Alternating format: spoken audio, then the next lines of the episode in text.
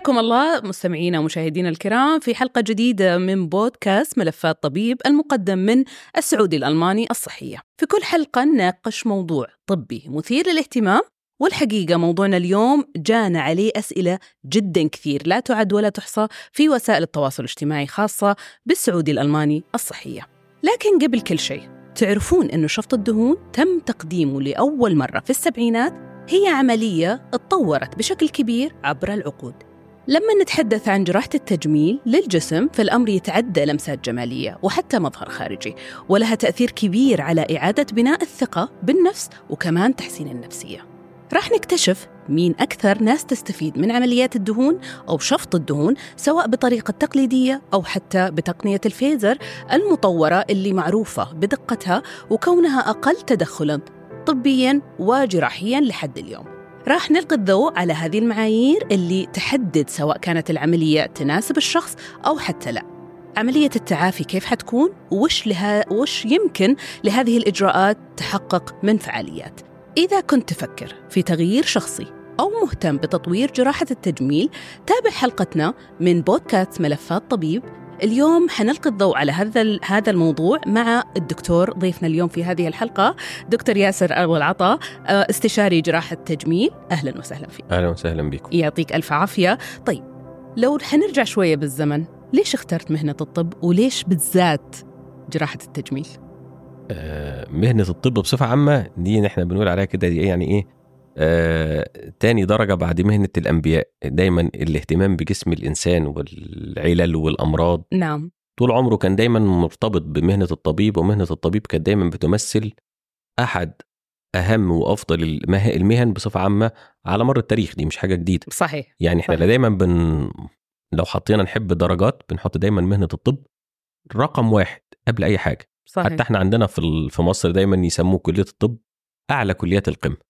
نعم. هي في هرم رغبات دايما أي حد هذا اللي خلاك لا تشير بصفة, بصفة عامة آه. إحنا إحنا العيلة بصفة عامة ما فيهاش طبيب قبلي خالص آه أوكي فكانت دي أوكي. كانت أحد أمنيات الوالدة جدا إن آه. يبقى في حد في, في أولادها دكتور نعم وبما ان أنا الكبير اللي عندها فكان قمة فكان ال- الطموح. الاختيار عليك وقع الاختيار ده كان قمة الطموح نعم وبصراحة عمري ما ندمت في يوم من الأيام ان اشتغلت نعم. طبيب نعم رغم بعض الكوميكس اللي بتنزل كتير قوي للناس عن الدكتور ومهنته بتاع مم. آه مهنة متعبة مهنة شاقة لكن في الآخر بتطلع منها بنتيجة بتخدم مريض آه، لما تشوف حد جاي محتاج حاجة وتقدر تساعده فيها الموضوع بيختلف تماما وتقدر تحس إن أنت يعني كفاية شكرا يا دكتور ربنا يعطيك العافية الله دي بتبقى كافية العافية جدا. لا لكل الدكاترة الصراحة يعطيكم آه. العافية بس ليش جراحة التجميل بالذات؟ جراحة التجميل أنا لما بدأتها من حوالي 24 25 سنة نعم أنا صغير بس يعني مش لا واضح آه. صغير قوي نقول مثلا من حوالي 24 سنة كانت لسه بقى في بداياتها نعم يعني كانت جراحة التجميل قديما آه، مهنة متوسطة بتشتغل في حالات ال- ال- الترميم أكتر حالات الحروق حالات الغيارات الجراحية الكلام ده أو إصابات الحروب وده كان بدايات جراحة التجميل أصلا. مع نهاية السبعينات وبداية الثمانينات كنا بدأنا في الإيرا بتاعت جراحة التجميل بمفهومها الجديد. إحنا لما التحقنا في نص التسعينات تقريبا بجراحة التجميل كنا بقى خلاص بدأنا حاجات كتير قوي في جراحة التجميل. بقت الإجراءات الجراحية التجميلية بمختلف أنواعها بقت حاجة خلاص والاستبلشد وابتدينا نحط أركانها فيها. فكانت جراحة التجميل وقتها من الحاجات الاميرجنج كويسة قوي وإحنا يعتبر آه، أنا خريج جامعة عين شمس فيها أول اسم جراحة تجميل في مصر كله وعملنا دكتوراه سنة 88 فهي كانت أول دكتوراه جراحة تجميل في الشرق الأوسط كامل في الوقت دوت. نعم فكانت بداية كويسة جدا إن إحنا نقدر نكمل آه، جراحة التجميل. نعم. آه، يعني متهيألي من اختصاصك نحن قاعدين في البيت كذا كل أحد بيسألك يعني أنا ما هنا زايدة هنا حتة لا هنا ناقصين حتة الأسئلة دي اللي بتجيك كثير تزعجك لو على؟ قد البيت ماشي. على قد- أنا وأنا رايح المطار بنسأل نفس الأسئلة من اللي قاعدين في على الكاونتر نعم. اللي قاعدين في قاعدة قاعدين في كافيه كل نفس الكلام. أسئلة شبه ثابتة؟ والاجابات بتختلف إيش على حسب. سؤال تنسأله؟ آه أنا عاوز أبقى شكلي حلو أو عاوز أخس. إيه أهم حاجة في جراحة التجميل؟ وطبعا إحنا زبايننا اكترهم من النساء. صحيح. الرجالة يمكن أقل شوية لكن الستات. ودايما رغبة المرأة إنها تبدو جميلة هي الرغبة رقم واحد عندها. نعم. فعشان كده بتستحمل التعب اللي معانا شوية لكن بتوصل في الآخر اللي هي عاوزاه. طيب نحن بنتكلم اليوم موضوعنا بنتكلم عن شفط الدهون. مين اللي تشوف مؤهل إنه أو هذا الشخص لازم يعمل شفط دهون؟ مين المؤهلين؟ فقط اللي وزنه زايد ولا لأ؟ في حالات معينة لازم تشفط الدهون؟ كويس إن إحنا بدأنا بالسؤال ده. لأن أنا السؤال ده أكتر سؤال تقريبا بتسأله. وفي مرضى كتير بتدخل العيادة وبننهي الكشف بعد تقريبا 10 ثواني اللي هو داخل يقول لي أنا عاوز أخس فعاوز أشفط دهون. هو ده شخص ظريف ده عاوز ياكل ومش عاوز يبذل مجهود وعاوز يخس اللي هو الثلاث حاجات يمكن نحن كلنا كلنا. نفس أنا واحد منكم أولكم على طول لكن مش ممكن يعني نعم. يعني في حاجات ممكن إدراكها وحاجات مش ممكن إدراكها ما ينفعش انت عشان تخس ليها ثلاث أو أربع اساليب. ليست شفط الدهون واحدة منها. نعم. شفط الدهون هي عملية مقصود بيها ان انت بتدخل آه، من خلال فتحات صغيرة جدا في الجلد ودي أحد ميزاتها إن إحنا ما بنضطرش نعمل ندبات كتيره قوي للمريض. وبناخد أنا ما بحبش أقول كلمة مريض على جراحة التجميل بصفة عامة غير عدد اللي هو للترميم. نعم. لكن المريض الشخص اللي جاي يعمل جراحة تجميل عادة ما بيبقاش مريض. مم. وحتى لما أقول له بتشتكي من إيه يقول لي الحمد لله أنا ما بشتكيش من حاجة. الحمد لله. دايما. نعم. فبالنسبة لأي شخص محتاج جراحة التجميل هي بتبقى نسبة النبات الندبات. ما عنديش ندبات يبقى أنا خلاص بكمل فيها. بدخل على تجمعات معينة من الدهون موجودة في أماكن غير مرغوب فيها. أقدر أتخلص منها. لكن إن أنا هدخل واحد من ناحية أخرجه من ناحية تانية شفط له الدهون وخليت وزنه قل قد كده ما بينفعش أنت في عملية شفط الدهون كاملة ممكن تخس نص كيلو كيلو 2 كيلو يعني كميات بسيطة جدا ليس هو الغرض الأساسي من. مم. الغرض الأساسي من العملية هو التخلص من الدهون الغير مرغوب فيها في الأماكن الغير مرغوب منها بس. نسمع دائما آه، الدهون العنيدة. أو الدهون المتراكمة هل هي هذه اللي مقصود فيها أنا بشيلها ولا لا دي دهون. جزئية تانية أوكي اللي هي جزئية مريض بيعمل رجيم بيعمل رياضة عمل تكميم قدر يخس في الوزن. لكن في أنواع من أنواع الدهون دي اسمها الدهون ال resistant fat دي ما بتروحش غير آخر حاجة خالص. يعني مم. مثلا دايما لما حضرتك تبتدي تعملي رجيم أول حاجة تبتدي تخسي منها وشك. مم. وبعدين بقية الجسم. يتبقى دايما حتتين ال love handles أو اللي هي الحتة أعلى الحوض والحتتين اللي في مؤخرة الفخذ من ورا. دول دايما بيبقوا حد كبير resistant وما بيروحوش بمنتهى السهولة أو في بعض مناطق البطن الأمامية. دي اسمها الدهون العنيدة أو resistant fat ودي دي اللي غالبا بتحتاج تدخل جراحي لأنها علشان تتخلص منها هتخس كمية كبيرة جدا ممكن تأثر على حالتك الصحية. نعم. طبعا نحن بنتكلم أنه على مدى عصور يعني وسنوات من يوم ما اكتشفنا آه، شفط الدهون إلى الآن تطورت العملية وصارت أسهل وبدأنا نسمع عن جهاز الفيزر. ما هو هذا الجهاز؟ إيش بيعمل بالضبط؟ نحكي الحكاية من اولها نحكي. نقول إحنا أول ما بدينا شفط الدهون كان من فتحات صغيرة وبنخش نشفط الدهون ونطلع. العملية ما تطورتش بصفة عامة في الأول كتير. ليه؟ لأن كانت ما فيهاش كان فيها فقد دم كتير جدا. وكانت بتأثر على حياة المرضى وتعمل مشاكل. ابتدت كل تفكيرنا يعمل إيه؟ إحنا لازم نقلل كمية الدم اللي بيفقد عشان نقدر نعمل العملية بمنتهى. جميل. ابتدينا. نخش بقى أول حاجة اللي هو حق المحلول التيوميسنت اللي هو بيقلل كمية الدم. وبعدين بدأنا نزود التركيز بتاعه. نزود كميته بحيث إن إحنا في نفس الوقت بنخاف إن إحنا نزود كميته قوي يأثر على حالة القلب. فوصلنا للمعادلة اللي هي أنت بتحقن الكمية اللي تقلل لك الدم بدون ما تأثر على الحالة الصحية العامة أو حالة القلب للمريض بعد كده ظهرت تقنية الموجات الصوتية وبعدين ظهرت التقنية اللي هي ال power assisted أو المساعد وده يعني مش تقنية قد ما هي مساعدة للجراح يعني هي ما بتفرقش مع المريض. مم.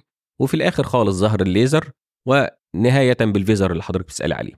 الفيزر هو نقدر نقول هو إيه؟ هو تتويج الجهود كبيرة قوي في موضوع شفط الدهون.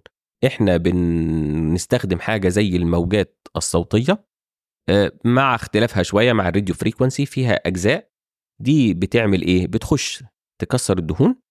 نمرة اتنين بتسهل شفطها فيبقى الدنيا أبسط بكتير في. مجهودنا. نمرة ثلاثة بتعمل تسخين. التسخين ده بيعمل حاجتين. أول حاجة إنه بيقلل بي بي بيعمل تجلطات في الأوعية الدموية اللي في المنطقة دي فيقلل النزيف.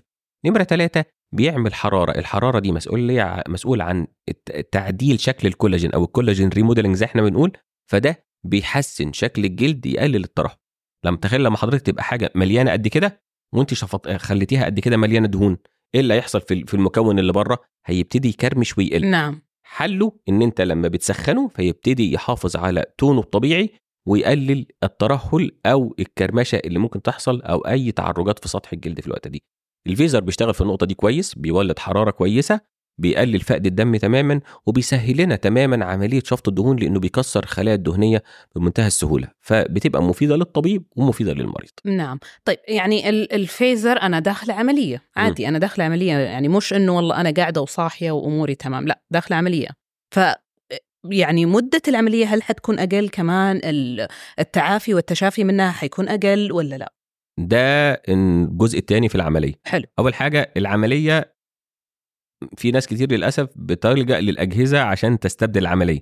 الأجهزة ليها حالتها والعمليات ليها حالتها. مم. يعني أنا كان عندي حالا قبل ما أطلع لحضرتك التصوير عندي مريضة.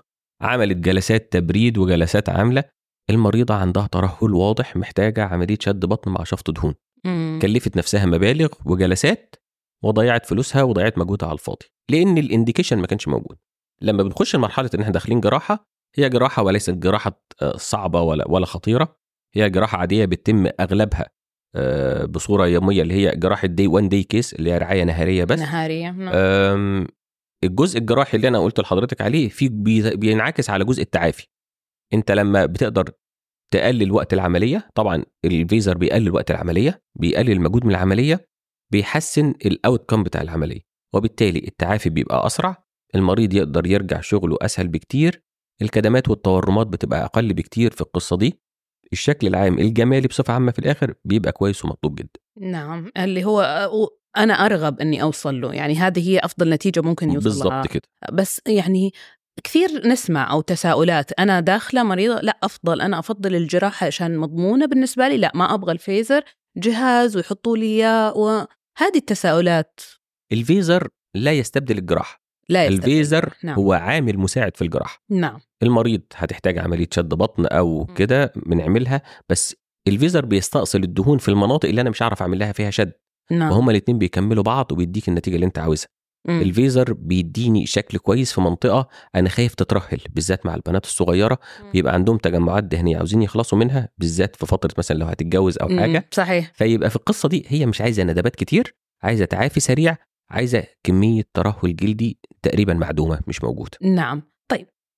مين اللي غير مؤهل؟ أنا جايتك مريضة أنت حتقول لي اتفضلي امسك الباب، لا ما ما ما ينفع معاكي لا فيزر ولا شفط دهون، مين المؤهل لهذه العملية ومين الغير مؤهل لهذه العملية؟ زي ما قلت لحضرتك أيوه اللي هي المناقشة اللي بتنتهي بعد 10 ثواني. اللي جاي عاوز يخس okay بقول له حضرتك أنت جيت العيادة الغلط الغلط. عندك طريقتين ثلاثة أربعة عشان مم. تخس. فدي أول مريض إحنا بنقفل معاه الحديث مم. نمرة اتنين لو مريض عنده كميات دهونه كتيرة جدا متشعبة في الجسم كله انت صعب تعمل شفط كامل للجسم كله. وبالتالي المريض ده أنا بقفل معاه الحديث مرة واحدة أو آخر حاجة مريض جاي بمشكلة بسيطة قوي وعنده حاجة اسمها unrealistic expectation توقعات غير آه، موجودة توقعات بيند أكتر مما العملية غير ممكن إنها تحصل. بالظبط الشخص ده بيبقى غير منطقي متوقع إن الجراحة هتنقله من مكان لمكان يعني. أنا مش آه، مش مش مش هينفع نجيب فريد شوقي نخرجه فاتن حمامة. ما يجيبوش كده مع بعض يعني. لازم يبقى انت ليك توقعاتك محدودة في القصة. نعم نعم. أه لما ألجأ لشفط الدهون أه، بالضبط أنا بتكلم عن كم كيلو حنزل لا الخ- الخسسان ممكن ما يبقاش فيه نقص في الوزن خالص ممكن كيلو أو 2 كيلو.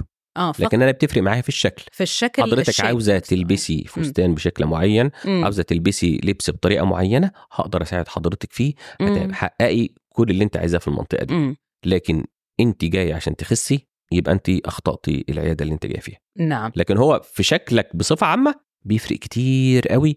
في الشكل وفي وفي في ال- في المظهر العام بالنسبة لك دائما شفط الدهون نسمع مصاحب لها الشد الفيزر هل يغنيني عن الشد في حالات لا. معينة ولا لا؟ لا بص الفيزر ممكن ينفع في الحالات البسيطة اللي مش محتاجة شد فيقدر يمنعها أو يقللها okay لكن الشد في الحالات اللي محتاجة شد الفيزر بيعنا في بعض المناطق اللي أنا ما أقدرش أشدها يعني أنا. بشد البطن بشد الشد بيبقى أسهل في في البطن السفلية. البطن العلوية صعب جدا الشد فيها مم. دي اللي بلجأ فيها لشفط الدهون عشان أعوض الشد اللي أنا ما قدرتش أعمله اللي ما. أقدر أسويه في, في, في هذه المنطقة بالظبط كده طيب دحين صار عندنا كابوس جديد وهوس جديد اللي هو اللغلوب مم. نعمل إيه؟ نعمل إيه في اللغلوب؟ نعمل عملية على طول آه دائما لازم نلجأ للعملية اللغلوغ مشكلته الأساسية إن هو هنا بيبقى فيه حاجتين. في البنات الصغيرة. بيبقى أكتر تجمعات دهنية. في الكبار في السن ممكن يبقى الجزئية فيها حاجتين ممكن يبقى فيها تجمعات دهون والأكتر بتبقى في منطقه الترهلات مم. الأفضل دايما أنا بحب استخدم الأجهزة ممكن تنفع في الحاجات البسيطة قوي اللغلوغ الكتير الأفضل فيه شفط الدهون شفط الدهون بتبقى عملية بسيطة وسهلة في المنطقة دي ما. بنشفطش كتير قد ما إحنا إن إحنا بنشيل الفات اللي موجود فالجلد بيرجع يلزق في العضلة اللي تحتيه في. المكان الجديد وبتبان إنها مشدودة. الخيوط أحد الطرق برضه ولكنها بتنفع في الحاجات البسيطة لكن التجمعات الدهنية الأكتر شفط الدهون بيبقى فيها أكتر. نعم نعم. يعني آه، موجود. اللغلوغ موجود وله أسبابه زي ما حضرتك ذكرتها قبل شوية بس سهلة العملية يعني ممكن آه لا لا لا. وهي إحنا. يعني إحنا هنا الحمد لله في مم. المستشفى السعودي الألماني في فرع جدة عندنا الفيزر وعملنا بيه حالات شفط دهون كتيرة منها حالات اللغلوغ ال outcome بتاعها بيبقى كويس قوي بالذات في الحالات دي. ليه؟ لأنها ما فيهاش كمية دهون كتيرة. انت كل اللي بتعمله هنا انت بتشتغل على ال skin remodeling أكتر. مم. فأنت بتشيل كمية الدهون البسيطة قوي اللي ما بين الجلد والعضلة تسمح للجلد إنه يبتدي يشد تاني ال elastin fibers تبتدي تشتغل تاني تمسك في العضلة تديه شكل أحسن بكتير للمنطقة اللي انت عاوزها. بس ما ينفعش بقى في الترهل الشديد. آه. وده بيبقى أكتر في السن الكبير دي بتبقى محتاجة شد رقبة جراحي كوي. دي قصة تانية. الخيوط بتنفع بس في مراحل الترهل البسيطة. البسيط. لكن لو لغلوغ تخين محتاج شفط يبقى الخيوط مش هتنفعه لأن الخيوط مش هت... بتشد جلد رفيع لكن ما تشدش جلد تخين. خلينا دكتور نتكلم بما بعد العملية يعني عملية التشافي. أنا قديش لازم أقعد؟ قديش الدكتور لازم يتابع حالتي يكون معايا؟ دكتور أنا خايفة طول الوقت أحتاج ألبس مشد؟ لا ما أحتاج يعني هذه الحالة هذه بعد ما بعد العملية يجيك تخوف منها. قبل لا نبدأ العملية أكيد في أسئلة كثير. إيش أكثر الأسئلة اللي بتجيك؟ أكتر حاجات بتهمنا دلوقتي. المريض أنا هقدر أمارس حياتي الطبيعية إمتى؟ امم ال- هقدر أرجع شغلي إمتى؟ إمتى هقدر أحس إن أنا طبيعي بدون آلام؟ امم وكمية الالم قد إيه؟ دايما عملية شفط الدهون بتبقى الالم فيها غالبا في أول يوم. حلو.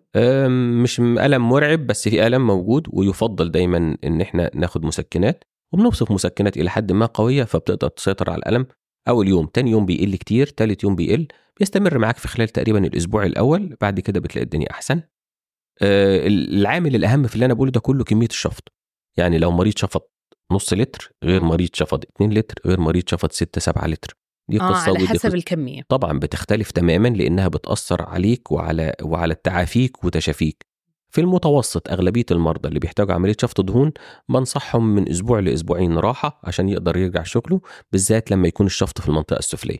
شفط في المنطقة العلوية وشغله ما فيهوش مجهود ممكن يرجع بعد ثلاث أو أربع أيام زي حالات شفط الدهون في التثدي. على مرضى كتير منهم بيرجعوا لشغلهم بعد ثلاث يعني يقول لي في ال weekend قبل ال weekend بيوم أعمل لهم العملية وعلى يوم الأحد أو الاثنين بكتير بيبقى راجع شغل. بتختلف على حسب كمية الشفط وعلى حسب ال- المنطقة المنطقة اللي نفسها. اللي أنا بشتغل لكن بصفة عامة ال control بتاع الألم بالمسكنات وارد. آم، مشد طبعا لازم يتلبس. وعندنا دلوقتي الفوم الجديد اللي بنحطه مع المشد ده بيساعدنا في تقليل التورم وبيساعد على إن الجلد يمسك في مكانه الجديد بسهولة وبيساعدنا في الحصول على شكل ومظهر أحلى بعد العملية. متوسط المشد بنستخدمه من ثلاث لست أسابيع بعد العملية. مع بعض الاستثناءات البسيطة. نعم. آه، عملية شفط الدهون أو في العادية أو حتى بالفيزر. هل أقدر أرجع أعيد العملية؟ أنا عملت العملية عدى علي سنتين ثلاثة مثلا رجعت تكونت الدهون من جديد. أقدر أرجع أعملها ولا لا؟ خلاص. لا لا ممكن الدكتور يقول لي لا ما ترجعي. لا الدكتور هيقول لك لا لو انت لو لو لو الشكوى مش مش طبيعية. لكن أي حتة واردة إن يحصل فيها مشكلة. ووارد إن أنت وأنت بتشفط بالذات في الكميات الكبيرة في حتة تبقى missed منك يبقى فيها لسه تجمعات دهون. أو المريض بتاعك رجع كل وتخن تاني. ودي ودي أكتر presentation آه، بنشوفها أكثر الحالات في الوقت صحيح. الحالات دي لا عادي جدا سهل بعد مرور سنة من من من العملية بتاعتك تقدر تعيدها. ولو إن يعني تقنية الفيزر اللي إحنا بنستخدمها عندنا هنا. في السعودي الألماني مساعدانا كتير قوي على إن إحنا نقلل حالات ال revision اللي موجودة أنها عندنا. ترجع تاني. آه آه، الأغلبية لو المريض تخن بس. غير كده نادرا لما بيبقى الباقي موجود يعني. طبعا دكتور أكيد يعني أغلب مرضاك أو مراجعينك نساء فحكاية أنا شفطت وشديت وظبطت الأمور رحت حملت ولدت أرجع بعد الولادة أنا آه، بهدلت الدنيا عندي من جديد. هنا من قبل الولادة تقدر تقول لها لا أو أنه لازم في شرط أنه بعد آه، استني شوية إلين ما تحملي من جديد ده مثلا. أول سؤال في عملية شد البطن. حلو. حضرتك عندك كام ولد؟ مم. آخر واحد قد إيه ناويه تخلفي تاني ولا لأ. أوكي. لو المريضة ناوية تخلف تاني بقى أنصحها بتأجيل العملية بصفة عامة عشان ما نعملش حاجة وتعمل. لو لا مفر منه. أو هي مش متأكدة هي تخلف ولا لأ بنوصل لديل كده أو في صفقة ما بيننا وبين بعض إن إحنا لو عملنا العملية ما تفكريش في حمل قبل ثلاث سنين على الأقل. آه أوكي. آه يعني في ناس بتقول سنتين أنا دايما بحب أخليها ثلاث سنين. ليه؟ عشان آه تكون كل حاجة رجعت لأمورها الطبيعية وتقدر تحمل بمنتهى السهولة. كده كده الحمل مفيش منه مشكلة. بس لو حملت بدري بعد العملية درجة آه، فقدان نتيجة العملية بتزيد. مم. في مرضى بيتأثروا بس بتختلف. في مرضى بيبقى يا دوبك الترهل يرجع بحاجة بسيطة قوي وفي مرضى تاني بيرجعوا زي ما كانوا. فالموضوع بيختلف برضه على حسب. يعني لو هي عندها ترهل عنيف قوي مش قادرة تستحمله هتعمل عملية؟ حتى لو رجع معاها بيرجع معاها بنسبة بسيطة آه، ما بتبقاش بنفس الطريقة. بس مبدئيا كده لو هي قادرة تنتظر يبقى مش هنعمل عملية؟ مم. لو هي مش قادرة تنتظر والموضوع عندها مشكلة نعمل العملية بس في الوقت ده بننصح إن إحنا نأخر الحمل مش أقل من سنتين يعني في آه، مثلا من ضمن الشائعات اللي بتقال لا انت لسه ما تزوجتي انت لسه آنسة فلا ما نقرب ما نعمل العملية إلا بعد ما تتزوج إن شاء الله عاده عاده. ده أحد الأسئلة اللي برضو بنتسألها العملية لو ليها انديكيشن بتتعمل سواء البنت كانت متجوزة أو مش. متجوزة. يعني أنا بيجي لي بنات البنت بتبقى حريصة إنها لما تيجي تتجوز يبقى شكلها حلو. بيجوا لي بنات بالذات اللي عاملين تكميم بيبقوا خسوا والترهل عندهم عنيف. في بنات عندها عزيمة قوية بتقدر تخس 20 و30 كيلو بال- بالرجيم وال- والرياضة.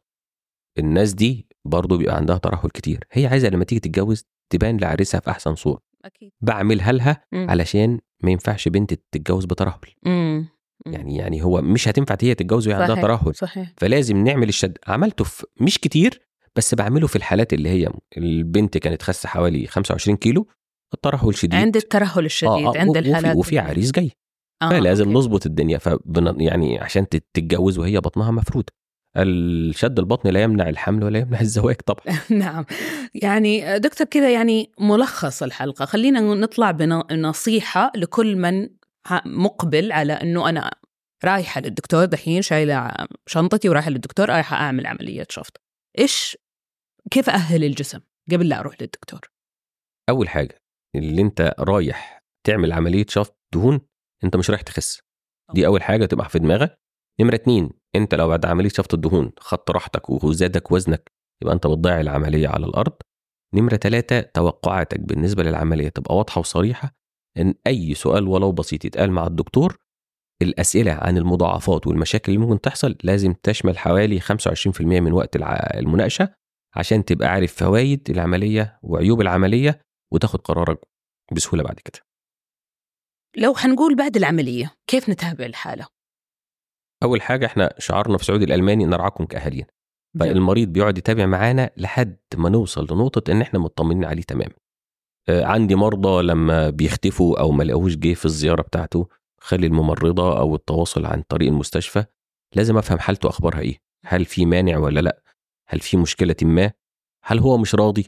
أقدر آه، نرضيه بطريقة ما لأن إحنا المريض زي ما إحنا بنقول نرعاكم كأهالينا إحنا في الأول وفي الآخر آه، المريض بنعتبره صديق نعتبره أخ نعتبره بنت على حسب السن مش هنسيبه يخرج من عندنا غير وهو راضي بنسبة كبيرة.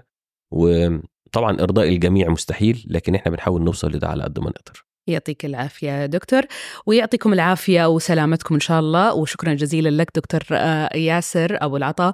آه، استشاري جراحة التجميل في مستشفى السعودي الألماني. هذه كانت حل حلقتنا في آه، بودكاست ملفات طبيب. معلومات إن شاء الله قيمة. نشكر حسن متابعتكم جميعا. حلقة جديدة إن شاء الله وملف. طبيب جديد في انتظاركم. نرعاكم كأهالينا ودمتم بصحة وأمان. فمان الله.